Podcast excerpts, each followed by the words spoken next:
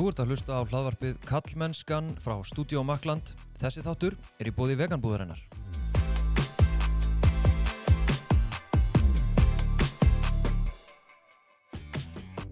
Ég heiti Þorsteinn Maff Einarsson og sé einnig um samfélagsmiðlinn Kallmennskan á Instagram og Facebook.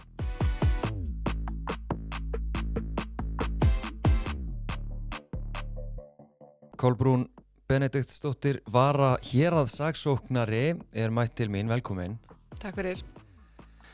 Við vorum aðeins að spjalla hérna árum fórum í upptökuna uh, að því ég er náttúrulega að reyna að vera smá undirbúin þegar ég er að fá hérna verðulega gesti uh, og var að horfa allt sem ég fann með þér og, og svona lesa viðtöl við þig og eitthvað. Mér fannst þú bara vera svona aðal saksóknari Íslands en þú ert vara hér að saksóknari. Getur við bara aðeins að byrja á því að skýra þetta aðeins?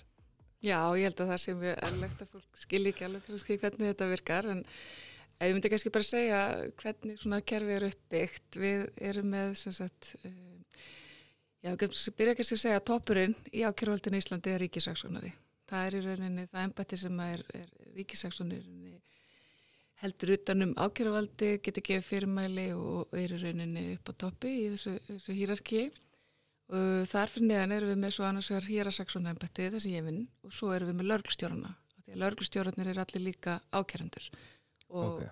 það eru nýju lörglstjórar í Íslandi og það er starfa löglari fulltrúar og þeir fara með ákjæravaldi í svona minniáttamálum sér, svona sérræfislega brotum eins og við segjum, umfyrlega brotum, vörslum og fíknefni og svo framvegs og hjá hýrasaksónara þá er einum að segja kannski grunninn tvö svið það er annars vegar rannsókn og, og saksókn í efnarsbrotum og svo er henni það svið sem ég stýri sem er þá saksókn í allum svona alvarlegum uh, ábyrgsmálum, kynferðsbrotum og svo framvegist.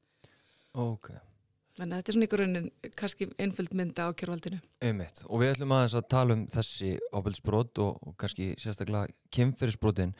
Uh, uh, ég meina við byrjum bara á umræðinu sem hefur verið í gangi. Ég meina önnubilgja, MeToo og það hefur verið hávært náttúrulega mikið verið að gaggrína hversu mörg mál eru fælt niður og svo frammeðis, ég meina hvernig er að vera í þínu embætti og, og heyra þetta því að gaggrinnin hlýtur að einhverju leiti líka að vera personlega eða hvað?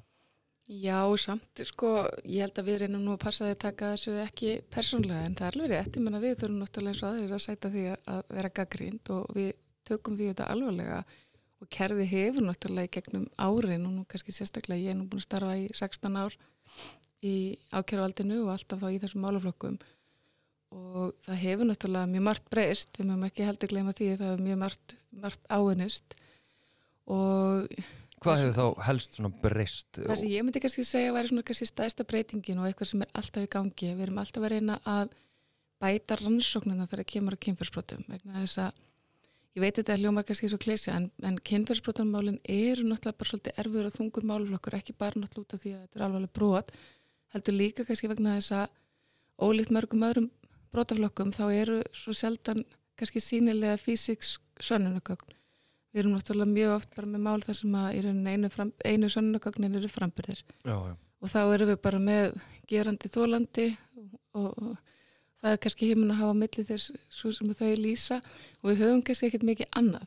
Við höfum kannski ofta sem við kallum svona óbein sönnunagögn, þá eru þá sönnunagögn sem að kannski, þetta er ekki framböru vitna sem sáu hvað gerðist, heldur geta líst ykkur sem gerðist í aðdraðandanum eða á eftir á þetta geta verið sálfræðivottur eða eitthvað svoleiðis en þetta er kannski open sönnunagögn og hafa kannski minna vægi og hafa minna vægi heldur en það sem kallum beinsönnunagögn okay. og þess vegna skiptir svo miklu máli og það sem við höfum verið að gera í gegnum tíðina eða gegnum árununa síðustu ári er að bæta skýslutökunar við erum að þjálfa bæði lörglumenn og ákjörundur í að taka góða skýslutökur til góða skýslur þannig við sem að fá í rauninni sem bestan framburð af því að það er það sem við erum að meta við erum alltaf að liggja yfir framburðum bæði endurutum af skýslutökum hjá lörglu og upptökum af því og erum að reyna einhvern veginn átt okkur að einhvern veginn sannunarstaðan er mm.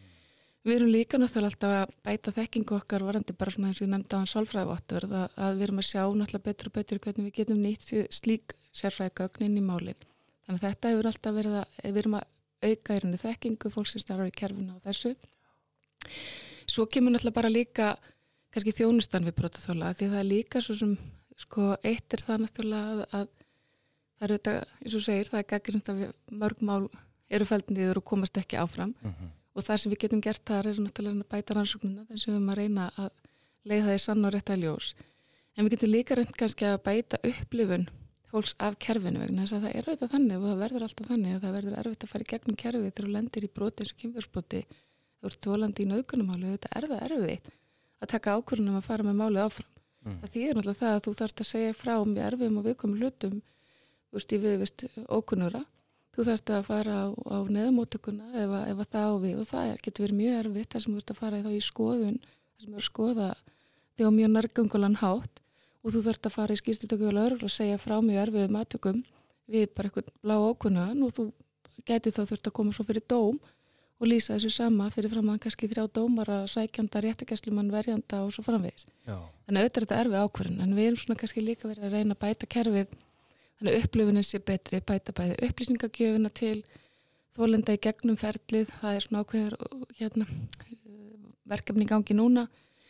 Við höfum líka verið að, að bæta svona í þeim tilvikum þegar við fellum mál niður sem að eins og segi, það er auðvitað rétt að það er oft sem það gerist að við tókum upp það, það, það svona nýja verklag fyrir að vera komið þrjú ár. Það var byrjaði nú að frumkvæði þáverandi lörgustjórn Nólanda Eistra sem er núna lörgustjóra á höfböksvæðinu að í staðin fyrir að senda bara brot og þóla bref. Þannig var þetta áður. Við, við feldum þessi mál niður og gerum það alltaf með raukstunningi. Þannig að þú færði ekki bara eitthvað, bref sem segir málið þitt fyrir ekki áfram. Þú færði að heyra raukinn, við, við skrifum niður hvað kom út úr ansókninni, af hverju málið er felt niður. Og þetta var bara sendt heim til fólks. Og það var auðvitað náttúrulega þannig. Fólk var kannski bara, allt í nú varstu bara að fá þetta bref hennu núna mann alltaf þetta er einnig sögu kona sem var að fara að halda upp á fjara ramali svona síns og rosa hafmyggjur og saman þetta er góði dagur og svo bara dettur allt inn eitthvað brefinu lúna og það er niðurfællingabrefum að málið þetta hafi ekki farið áfram einmitt. og þú ert ekki með neitt hjá þér til að stíða þig þú er kannski fullt af spurningu sem vakna og það er engi til að svara þeim þannig að núna er þetta semst þannig að þegar við fellum þessi mál niður þá bjóðum við fólki að koma fund og það kemur þá til okkar og við förum í rauninni yfir neðstöðuna kynnum brefið, förum aðeins yfir hvað kom út í rannsókninni, akkur málið fælt niður, getum þá svarað þeim spurningum sem vaknar. Og ég veit alveg að auðvitað, auðvitað náttúrulega gerir þetta ekki niðurstöðan eitthvað léttbarari, ég gerum alveg fulla grein fyrir því að það er alltaf sjokk þegar málun er fælt niður. En ég held nú samt sem áður að það sé kannski þetta sé svona kannski ákveðin bætt þjónusta. Þú fær þá að mérstu kosti eiga smá viðtal við kerfið eins og einan gerðsalappa og þetta er ekki bara sendt einhvern veginn svona með manniskillegum hætti heim til þín. Nei, einmitt.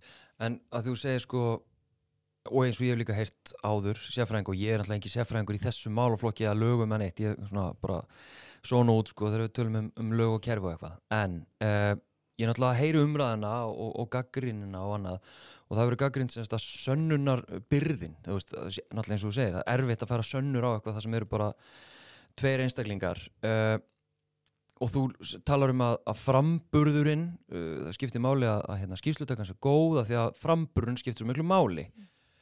Uh, og þá veldi ég fyrir mér sko ef að það skiptir svona rosalega miklu máli menna gæti þó ekki verið að þegar að veist, ég segi já þetta var hérna á mándegi eitthvað og svo uh, fatta einu herru þetta var á lögadegi er ég þá komið með bara eitthvað að vera mál eða? Nei, alls ekki og þetta er náttúrulega líka eitt af því sem við þurfum að og erum að þjálfa upp hjá fólki að sko við þurfum þetta líka náttúrulega að var skilning bara mannlegu eðli. Og það er náttúrulega það sem við erum líka að segja sko, það, það er ekkit óeðlilegt til dæmis við það að brotaþóli kemur í beinu framaldi af kannski grófri nöðgun og niðurmóttökuna og er þar í uppnámi og lýsir ákveðinu atvöki kemur svo til skýrslutöku hjá laurugl kannski degi síðar eftir tvo daga og þá segir þú kannski aðeins nákamar frá eða þú mannst eftir einhverju sem myndir ekki þegar þú skýrsla niðurmóttöku. Það þýðir ekki að þú sérst ótrúverðu það þýðir náttúrulega bara það og þetta tengis bara mannlu eðli, þú ert þarna að vera frambyrði með ykkur uppnámi í beinu framhalda broti og það er ekkit óeðlegt við það þó að þú munir þetta eitthvað betur og það hefði eitthvað rífast upp fyrir þér þegar þú svo gefur skýslu tveimtum setna.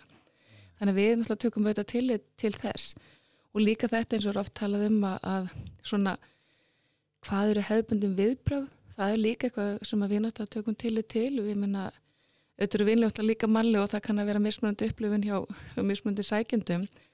En, en við erum alltaf að horfa á þetta og við presenturum málinn sem þó fara fyrir dómi þessum hætti. Það, þarf ekki að vera eitthvað skrítið það þó, þó að konu eða karli sem er nöðgat mæti síðan á uh, barinn næstu helgi eða fara út að skemta sér eftir. Því það er alls konar svona mýtur líka upp í byttunum við ef þessum hann auðgað, hvernig getur hann þá verið bara mættur í vinnun eftir tvo daga eða akkur líkur þess ekki bara heima hjá sér í kör og ég hitt hann og beint á eftir og ég kann nú ekki beint síðan að vera eitthvað að. Þannig að við mögum heldur ekki vera með eitthvað svona það er engin, það er engin rétt að raung leið til þess að bregðast í broti.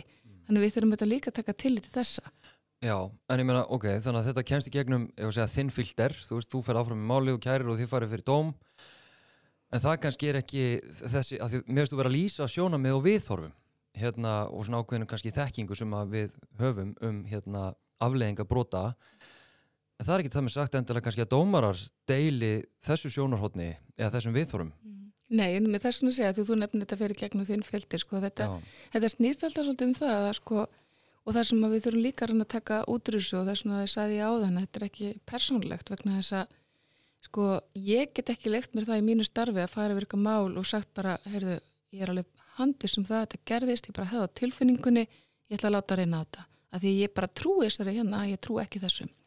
Ég þarf að hafa eitthvað í höndunum og það er bara þannig að bara samkvæmt lögum þá er ákjörvaldið, alveg svo lögurklan við höfum ákveðna hlutlegningsskildu við eigum að horfa málið með báðunglerugum við eigum að horfa á málinn bæð út frá því sem er gott fyrir sakbortning og það sem er vant fyrir hann. Við erum bara að leita sannleikanum, við erum að láta því sann og rétt að koma í ljós og við eigum ekki að fara með mál og megum ekki að fara með mál fyrir dóm nema við teljum að sannunagögnum séu þannig að við gætum fengið sakfellingu. Og svo getum við alltaf spurt okkur, ok, hvað er þá sem örk að vera? Er bara nóg að sé, þú veist, 51% líkur á sakfellingu eða þarf það að vera 70% eða 99% hvað er sem örk að liggja? Og það er náttúrulega bara svona eiginlega debatt, sko En, en, og það er ekkert að það segja að líki bara að það sé bara einhver einn lína, einhver ríkis lína, það verður að vera 70% líkar á sakvöldingu annars mátt ekki ákjærið, það er ekki þannig. Mm. Það er alveg viðkent að það sé að línan sé kannski aðeins mismunandi eftir hvernig brotaflokkarnir eru og það er viðkent að línan líki kannski aðeins lægra í kynferðsbrotum heldur en í öðrum málum. Enda er það þannig þegar við horfum á sakvöldingarhlutallið, hversu mörg mál það sem er ákjært er í er svo sakvöld fyrir, að þá er hlutallið miklu lægri í kynferðsbrotum heldur en í öðrum málum. Og það er líka eðlilegt einmitt út af þessu sem ég var að segja á það en sannunagögnin eru svo oft bara framburðir og þá snýst þetta svolítið um að þú ert að meta trúarleika. Og það er alveg eðlilegt auðvitað að það mat sé hjá domstólum en það þýðir heldur ekki að við getum bara sagt ok, að þetta er mat á trúarleika þá fyrir við bara með allt fyrir dóm því þá er við að brjóta í rauninu gegn okkar starfskildum mm. það er svona að segja sko við erum kannski með svona 70-75% sakveldingarlutalli kynferðsbrotum og það er það er ágætt. Ef það væri 100% þá væri við heldur ekki að láta reyna náðilega mörg mál eða skilju hver fara Já, ég skilju, en hvaða svona gaggríni sem að þú er heyrt eða beinstaðin bættinu uh, finnst þið vera réttmætt og þú væri til að gera meira varðandi þá gaggríni? Sko málsmjör að vera tíminn klárlega okay. það er náttúrulega, við sjáum það líka bara það er að hafa áhrif landsrættur hefur kannski sérstaklega verið að verið svolítið harður þar og, og bæðir að lækka refsingar því málum það sem er sakveld og, og kannski svolítið mikið að, að mér finnst en, en hérna það er eitthvað bara eitthvað sem við myndum vilja laga og við höfum svo sem verið að ná ákvelds árangri þar en við þurfum að gera miklu betur þetta er að taka allt á langan tíma svona þessi heldar málsmeðfæri tími bara bæði hjá lauruglu og svo hjá okkur og líka hjá domstólum Þannig að hérna, að því auðvitað gerum við þessi fulla grein fyrir því að fyrir fólk sem er að býða, bæði hvort sem þú ert sakbarningur eða brotathóli og bara allt fólki sem stendur í kringum þessi aðeila, það er náttúrulega bara fyrir þetta fólk, er þetta bara málið með stóru emmi. Þú ert bara að, að býða til nöðstöðu því hvort þetta mál fara áfram eða ekki, hvort, hvort meginn sem þú ert. Og þegar þetta tekur kannski hátt í tvö ár frá því að þú kærir eða, eða ert kærður og það er til að leiku fyrir nöðstöðum hvort að máli fara fyrir dómu, þetta er það bara mjög lánt mm. og ég menna í barnabrótunum kannski líka sérstaklega þetta er náttúrulega það geta komið auðvitað upp mál þar sem er ykkur grunnur um, um kynfyrsbrot gegn barni og það er kannski tekið fyrir umgengna meðan mál er til meðferðar og þannig að þetta hefur auðvitað mjög miklar afleggingar og við gerum okkur fulla grein fyrir því Já. en þetta er bara þetta er alveg óbúslega mikið að málum við erum að fá og afgræða á hverju einasta ári mitt ennbætti yfir 200 kynfyrsbrot wow og þá er náttúrulega ótalinni svo sem að önnum málum, við erum líka með stórfældar líkansar og sér mandrap fíknir innflutning og hitta þetta þetta eru yfir 200 mála á hverju ári, kynferðsbrot en, en hvaða áhrif sko hefur segja, tíðarandin og byltingar og orðræðan uh, hvaða áhrif hefur hún á, á þig þá í þínu embætti? Mm. Sko mér veist bara, ég hef alltaf sagt að ég er náttúrulega bara fagnallar þessari umræðu vegna þess að e, auðvitað getur við ekki náttúrulega látið umræðan hafa áhrif okkur þannig að tíðarandin hafi ykkur það áhrif að, við, að hann lít okkur þegar við erum að taka ákvarðan í málunum. Veist, það er bara ekki þannig. Þú verður náttúrulega að geta skilið það frá og, og hérna þú bara verður að lesa hvert mál og meta hvert mál bara eftir sönnugögnunum en ekki eftir hvort að sko almenningur að fjölmjöla sé að kalla á. Mér er sum mál er þetta meiri fjölmjölun en önnur og það getur þetta verið alltaf pressa þegar það er mikil umfjöldunum mál en við megum náttúrulega ekki að láta það hafa áhrif á okkur. Við bara ákveðum hvert mál bara eftir, eftir málefninu. En, en hérna umfjöldunin kannski meir um þetta um svona eins og ég var nefna á þann, bara svona þjónust af við brotaþóla.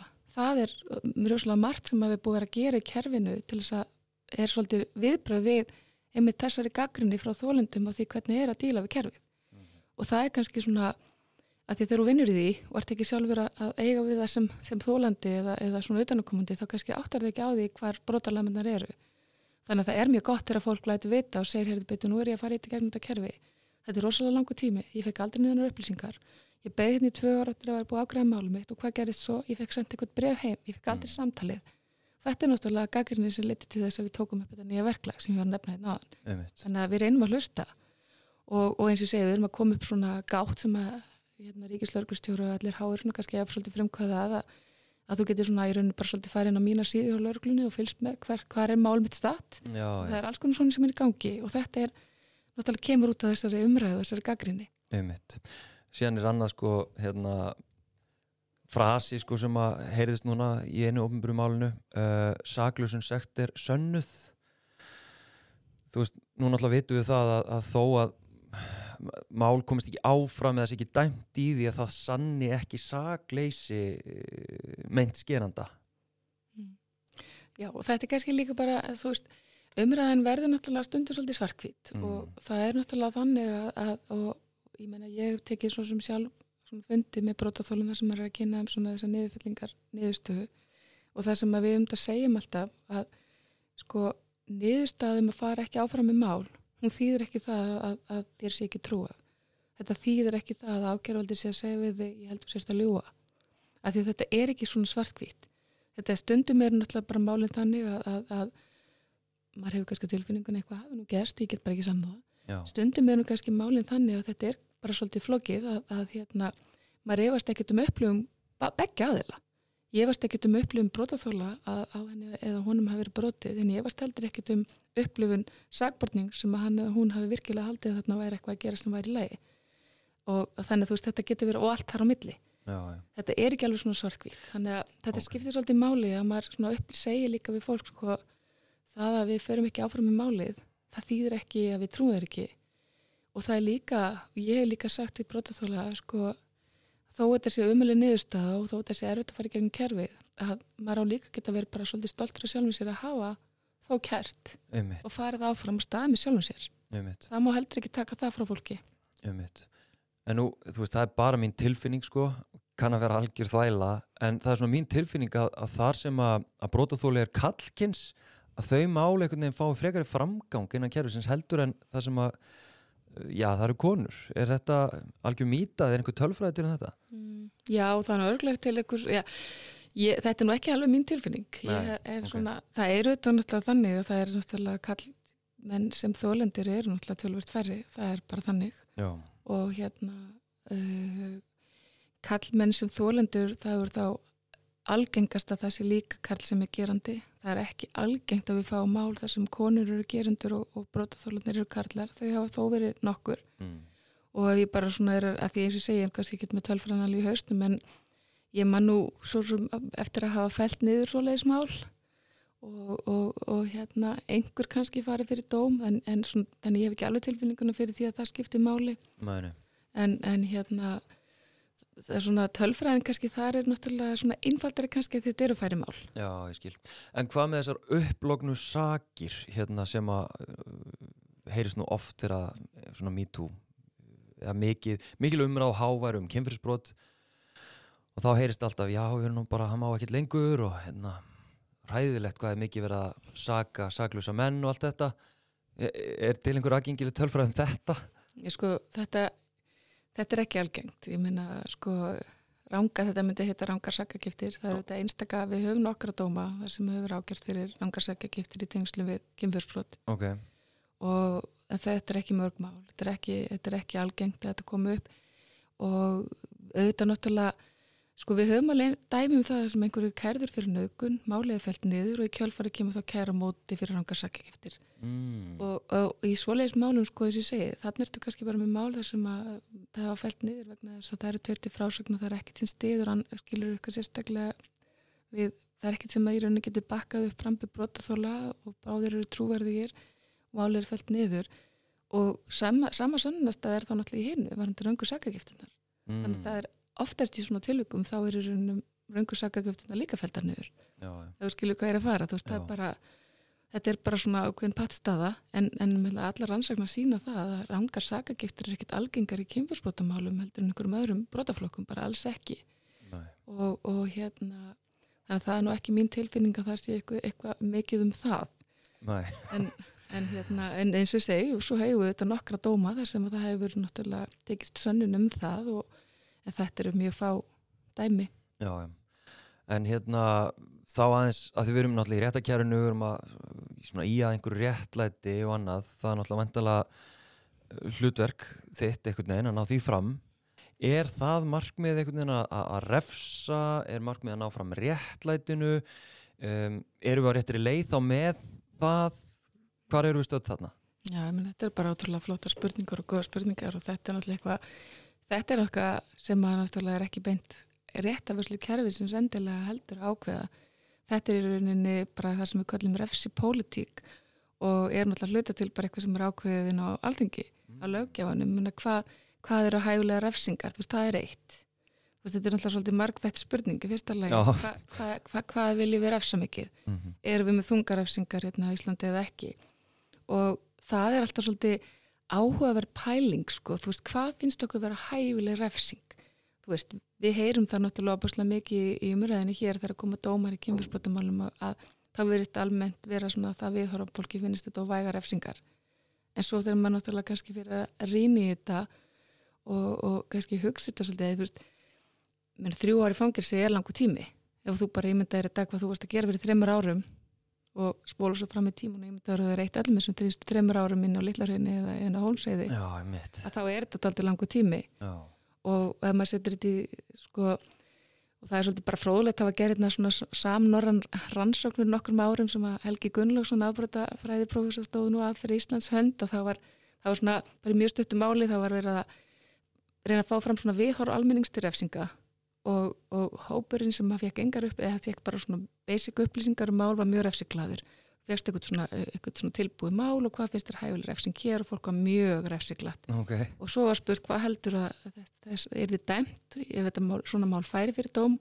Og fólk giskaði nú yfirlega á miklu, miklu, miklu vægari refsing heldur, refsingu heldur en hefði verið í raun og veru svo var ákveðin hópur sem fekk það hlutverk að vera að setjast í alvörunni í dómarasætið Ok, fekk allar upplýsingar, fekk fólki fyrir framann sig og hlusta á framburðina og hvað heldur þú? Þá náttúrulega dæmdi allt þetta fólk miklu, miklu vægari refsingu heldur en þannig ég held að þegar við Ok. sko, þegar fólk er í alvörunni sett í þá stöðu að, að, að svona fá þetta svona beint í hæð og, vera með öll smáatrinn hitta fólki sem er þarna aðeilatin í málunni þá, þá hugsanlega breytist aðeins viðhorfið. já, já. Þannig svona, en þetta er eitthvað sem við sem samfélag þurfum auðvitað bara að gera upp við okkur, hvað finnst okkur vera hæfleg refsing. Og svo er það líka líka að hitta svo nefnar tala um réttlæti. Að því þessari umræði sem við erum með núna í gangi, þú veist, kannski þurfum við líka svolítið að gera greina menn að því, þú veist, það er eitthvað sem er refsivert. Þú veist, það er alveg skýrt í lögunum, þú veist, hvað, hvaða, svo ef fókus á kynverðsbrotin, hvað er refsivert að gera. En svo eru fylgt af öðrum hlutum sem er kannski ekki endilega refsivert, en er heldur ekkert í lægi. Og það er líka, má alveg ræða það. Getur þetta ekki dæmi um bara, þú veist, hvað væri klárlega refsivert og hvað er svona á ekki refsivert en klárlega ekki lægi? Já, við getum bara sagt, sko, að þessu segja, þetta er kannski eitt af því sem er svona, á, á, við erum með eitthvað sem heitir kynferðslar áreitni Mm. og, og það er náttúrulega, ég held að þegar ég nefni kynferðslar áreitni, við erum kannski flest með eitthvað svona hugmyndum það hvað er, lagi, er, hvað er kynferðslar áreitni og hvað ekki. Já.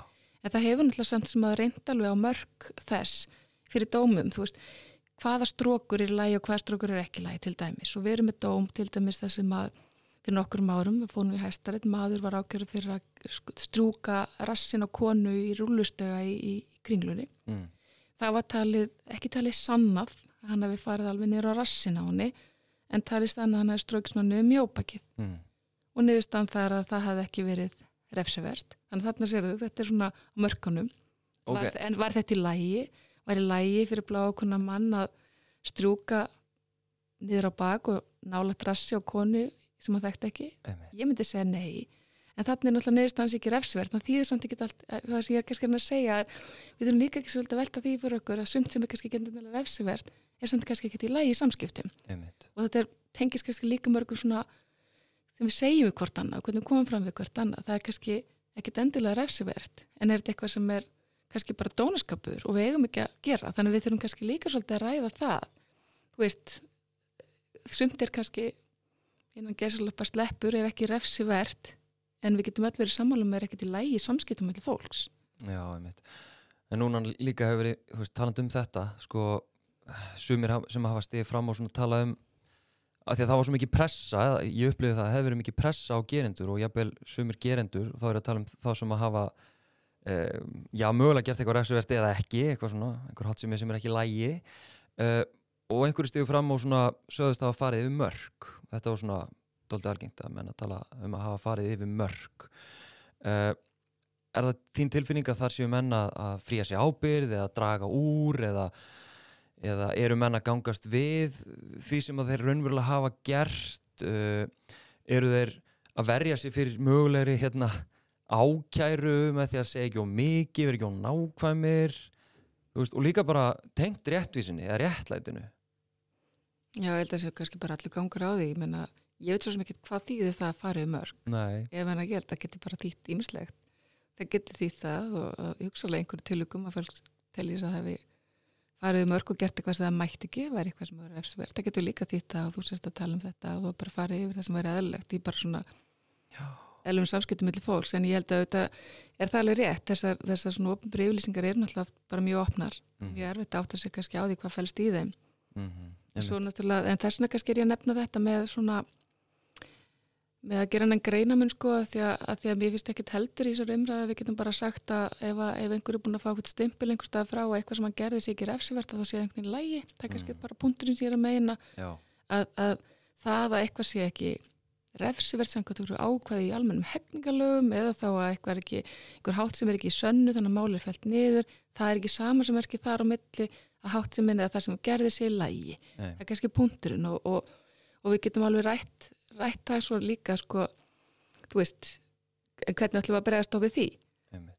og það er kannski líka bara eitthvað sem er bara partur að stærra, stærra umfjöldunarefni því að auðvitað er það líka svolítið leðilegt að horfa upp á það á sama tíma að vera með þessar miklu byltingu sem er í gangi bæði núna og í síðustu MeToo-byltingu að við erum ekkert að sjá að þetta sé að skila sér einhverjum lægri tölum.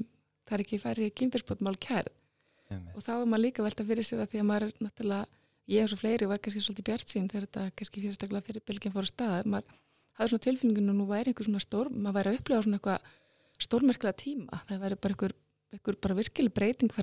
að og hérna, og auðvitað er það, auðvitað finnir maður það alveg að, að þetta hefur haft mjög mikið að segja. Mm. en maður hefði kannski viljað sjá þetta líka endurspeglast í færri kynfjörnsböta málum sem kemur nú bara lauruglu En að því ég hef heyrtið tala um hérna í þessu samingi við réttlæti uh, um sáttamidlun, Hildur Fjóla hefur mikið talað um já, sáttamidlun eða uppbyggilega réttvísi. Mm. ég menna, er einhver mál sem koma inn til ykkar, jáfnvel sem eru kærið sem að þér finnst að ættu heima í einhverju svoleiðis fyrirkomulagi sem að þá kannski er ekki til staðar núna? Mm. Já sko, við erum með sáttamidlun í sakamálum á Íslandi og það er í rauninni búið verið bóði frá 2006 okay. það hefur bara eitthvað neinalega Það er svolítið legalegt hvað eitthvað þá ræði hefur ekki alveg náða að festast í sessi en það er nú ákveðin vinn í gangi núna ég er nú einmitt í, í, í hópi sem dómsmálar þarf að skipa í síðastlega höst til að reyna að rífa það eins í gang og hérna e, það er hins vegar sko þetta úræði sáttamilin í sakamálum sem er þá eitthvað sem kallast ennsku mediation og er svona í rauninni eitt af svona undir þáttum uppbyggilegra réttvísi. Mm -hmm. Uh, við eins og þetta er notað í Íslandi þá erum við að nota þetta í svona vægari brotum, við erum að nota þetta sérstaklega fyrir unga gerendur en það er svo sem ekki aldurstakmark en við erum svona að þetta er úr það sem kemur í staðin fyrir ákjörðu, þetta er svona hugsaði minna á þetta málum þar sem að ger, gerandin hefur játað, málin eru einföld og upplýst og þá eru við í staðin fyrir að ákjara og fara menn, menn fyrir dóm. Þá stendur þetta búið að, að leiða saman gerand og þólanda á svona sáttafundi þar sem er hlutlega sáttamæður sem bara er með og, og, og facilitatar fundin en stýrur hún ekki meint þannig, kemst ekki það neðstöðu og þarna hafa þá aðlætnir á að tækifæri til þess að komast að samkómulega um það hvað er, hvað er aðlega viðbröku við þessu broti. Og ef þetta gengur vel þá, og þá kemst á sáttarsamningur sem er þá endur og þá er málum bara, þá er fallið frá saksókn eins og það heitir. Mm. Það fer máli ekki fyrir dóm, það fer ekki á sakavotturinn þannig að það er í rauninu ákveðin svona hagraði fyrir gerandan en líka fyrir brótaþóla vegna þess að brótaþóla rannsóknir sína það að brótaþóla sem fyrir gegnum svona sáttamöðlun, hann upplýður ákveðin valdeflingu. Mm. Þú fær þannig að tækifæri til þess að sitja fyrir framann þann sem brauta á þér og segja bara beint út við þann aðala hvað áhrif brotið hafða þig og samanskapi þarf þá skerandin að sita og hlusta á það frá bara að fá það beint í aðeð hvaða áhrifu brotið sem eitthvað sem þú gerðir hafðir á viðkamdi og, og rannsóknir sína líka að gerandi sem fyrir gegnum svona sáttamilun hann er miklu líklegri til að standa við samningin gera það sem hann samþykir að gera borgabætur eða hvað það er. Og hann er líka ólíklegri til að brjóta sér aftur Þannig að það er, er bara svona algjört win-win situation sko. Okay. Við höfum hins vegar ekki viljað nota þetta í svona alvarlegri brotum vegna þess að ég segi þetta kemur í staðan fyrir ákjæru. Já, já. Eh, einu kynferðsbrotamálun sem er í rauninni heimilt að fara með í sáttambölun, það eru svona þessa myndbyrtingamál, þessar gamlu leðuna sem er sprot sem er nú náttúrulega komið núna nýtt ákvæði fyrir brota kynferðslega fríðhelgi kallu við það. Það er að reyða svona deilingu á kynferðslega myndefna án samtyggis og við höfum í rauninni í nokkur málum þar sem um er að ræða þetta svona í öllum málum hafa þetta verið svona ungir krakkar bæðigerandi þólandi á mentaskóla aldrei þar sem að einhver hefur tekið mynd eða já og driftin áfram eða sínt einhverjum félögum eða eitthvað svo leiðis og, og þá höfum við í nokkur tilvikum farið í gegnum svona sáttamilun í svo leiðis málum.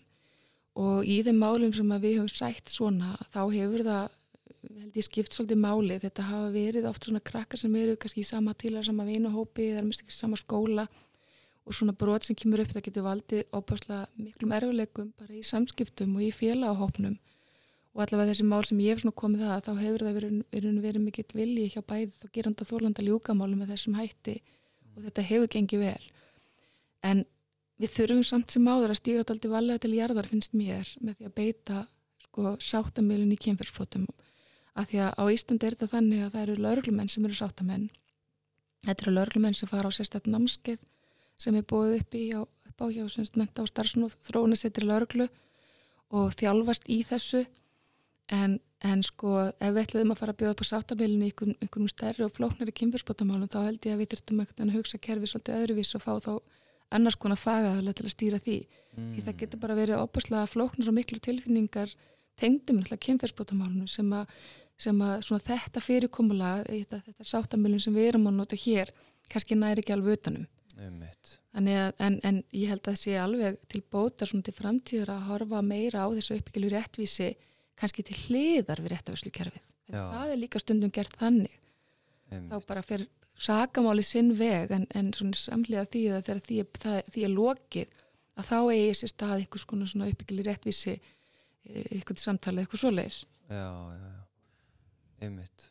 Að kannski er ég að hugsa um eitthvað annað fyrirbær sko að ég hef heyrt nokkra sögur af einmitt uh, þólendum sem að hafa, já væntalega upp á sitt einstæmi eða með einhverjum þá utan við kerfið sem þú telir uh, fara á fund síns gerenda og það hafi bara endað með gaslæting og einhverjum, einhverjum ræðilegum afleðingum sko.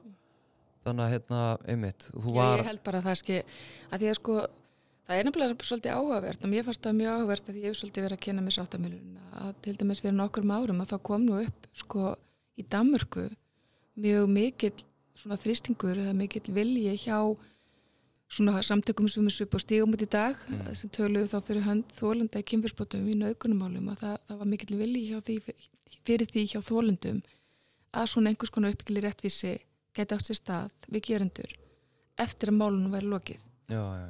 og ég bara svo sem þekk ekki hvert það fór en þá var sem að mjög áhugavert þá var, voru þólendur að tala um sko nú er búið að fara með máli gegnum kerfi við komum að dæmdur og sittur í að bli fangilsi en ég er aldrei búin að fá neitt closure mm. að þá veldi þólendunum fá tækifæri til að geta sest niður með brotaþólun, nei með gerandunum og bara fá svör þú veist, af hverju, af hverju ég var eitthvað, þú veist, eiga þetta samtal og geta fá að koma framfæri við gerandan hvaða áhrif brotið hafði á brotaþólan og maður skilur það mjög vel. En það er eitthvað sem maður náttúrulega í svona alvarlegum brotum eins og nöðgun að mínu viti geti aldrei komið í staðin fyrir saksók þú getur aldrei samiði undan fangilsisrefsingu Nei. fyrir nöðgun með einhverjum skona sátamöðlun það verður þá frekar eitthvað sem að er þá gert undir handleyslu sérfræðinga setna í ferlinu. Já, já, einmitt.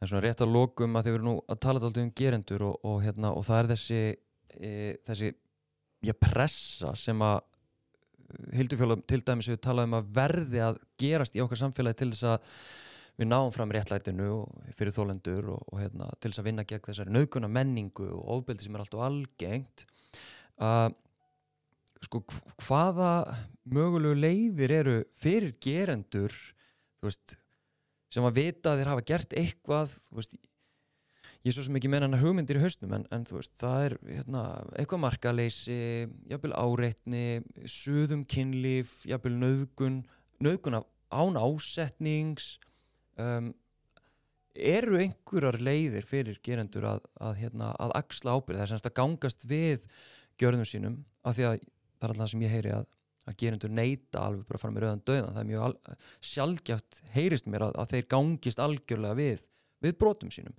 þannig að er einhver leið fyrir gerendur að axla ábyrð og, og hérna í rauninni gangast við gjörðum sínum Það er náttúrulega nýbúið að kynna úræði sem að tengist þessu, þessu ofbeldis áteki sem ríkislörglustjóri eða félagsmála og dásmálandi held ég að hafa staðið það og búið vera núna kynningarherferð þú veist, Taktu skrefið. taktu skrefið að, já, og það sem að bæði sálfræðingar sem er að sinna hérna, viðtölum við gerendur eða ofbeldisfólk er að bjóða fram þjónustu sína það er verið að hvetja fólk sem er að beita ofbeldi, hvort sem það er andlegt líkanlega kynferðslegt til að stíga skrefi og leita sér hjálpar og tengist allt 1.2.is mm -hmm. það er bara frábært af því að það er náttúrulega líka þannig að þetta tengist líka, við verðum þá líka að vera tilbúin sem samfélag að gefa fólki séns eða axlar ábyrð og ég er ekkert endilega að tala um núna í tengstum einhverjar ég gekk um örg umræðu eða allt þetta heldur Mm. bara, líka bara fólk sem fer í fangilsi kemur, fremur kynfyrsbót og fer í fangilsi ætlum við að taka við þessu fólki aftur út í samfélagið? Já, eða ætlum við að láta það bara kvöldrast ekstar út í hodni, fá ekki vinnu framar eða, ég meina við þurfum svolítið ákveða þessum samfélag, hvað ætlum við að gera? Og ef við viljum að fólk axli ábyrð þá erum við líka alveg að vera tilbúin til að guttura það þegar það gera það. Og vera kannski tilbúin að taka við fólki aftur út í samfélaginu vegna þess að þeir sem fremja kynfjörnsbót til dæmis hvort sem að málum fara áfram í kerfinu ekki, hvort sem þú ferð í fangilsi eða ekki, þetta fólk kemur alltaf aftur út í samfélagið. Og þá þurfum við svolítið að ákveða hvernig ætlum við að taka á móti þeim getum við tekið á móti öllum aftur? þetta, það, já, ég menna þetta er náttúrulega sumir kannski þannig það hættulegir, það þurfa alltaf að hafa varna og ég er auðvitað alls ekki að tala fyrir því að fólk sem hefur brotið gegn börnum með eitthvað svoleiðis eða fara vinna inn á barnaheimilega eitthvað svoleiðis, alls ekki Nei. en ég er náttúrulega kannski meira að tala um það að, að, að, að þetta fólk þarf samt að eiga sér viðreisnar von í samfélaginu hvort sem að það, það þýðir að það verður með einhvers konar eftirlitið ekki en að það megi kannski ekki vera þetta sko þannig að fólk sé algjörlega brennimert og geti bara ekki tekið þátt í einu eða neinu í samfélagi manna sko Já, en auðvitað er það misjæft eftir náttúrulega hvernig, hvernig brotin eru og hvort að þetta er ykkur vana brotamenn og svo framvegið sko já. einmitt Heldur þetta samrýmist eh, ef að segja hugmyndum brotaþóla um réttlæti? Já, sko, ég held að allavega mín samtölu brótaþóla hafa kannski frekar falist í því að það er ekkit endilega e, þyngd refsingarna sem skiptir máli. Heldur kannski miklu frekar viðkenningin á að, að, að það liggi fyrir og það sé bara á kreinu að viðkomandi braut á mér, annarkvært Já. því þá sé- viðkomandi þá gengst við sjálfur eða þá niðurstaðan sé svo í dómsmóli eða hvernig sem það er að það sé svolítið réttlætið og svo tengist þetta náttúrulega líka bara því og þetta við berum þetta öll ábyrð ég meina ég er foreldri, það er mín ábyrð að ræða við mín börn, bæði dóttur mín og svonum minn um það hvernig við eigum að eiga samskipti. Og, og hérna og þetta er bara eitthvað sem við þurfum öll að svolítið taka til okkar. Hvernig, hvernig er ég sem manneska, hvernig kem ég fram með annað fólk, hvernig ætla ég að ala börnin mín upp? Og við, þetta er, þetta er samvinnuverkefni sko. Kolbrún Benediktsdóttir var að hér að saksóknari, takk hjá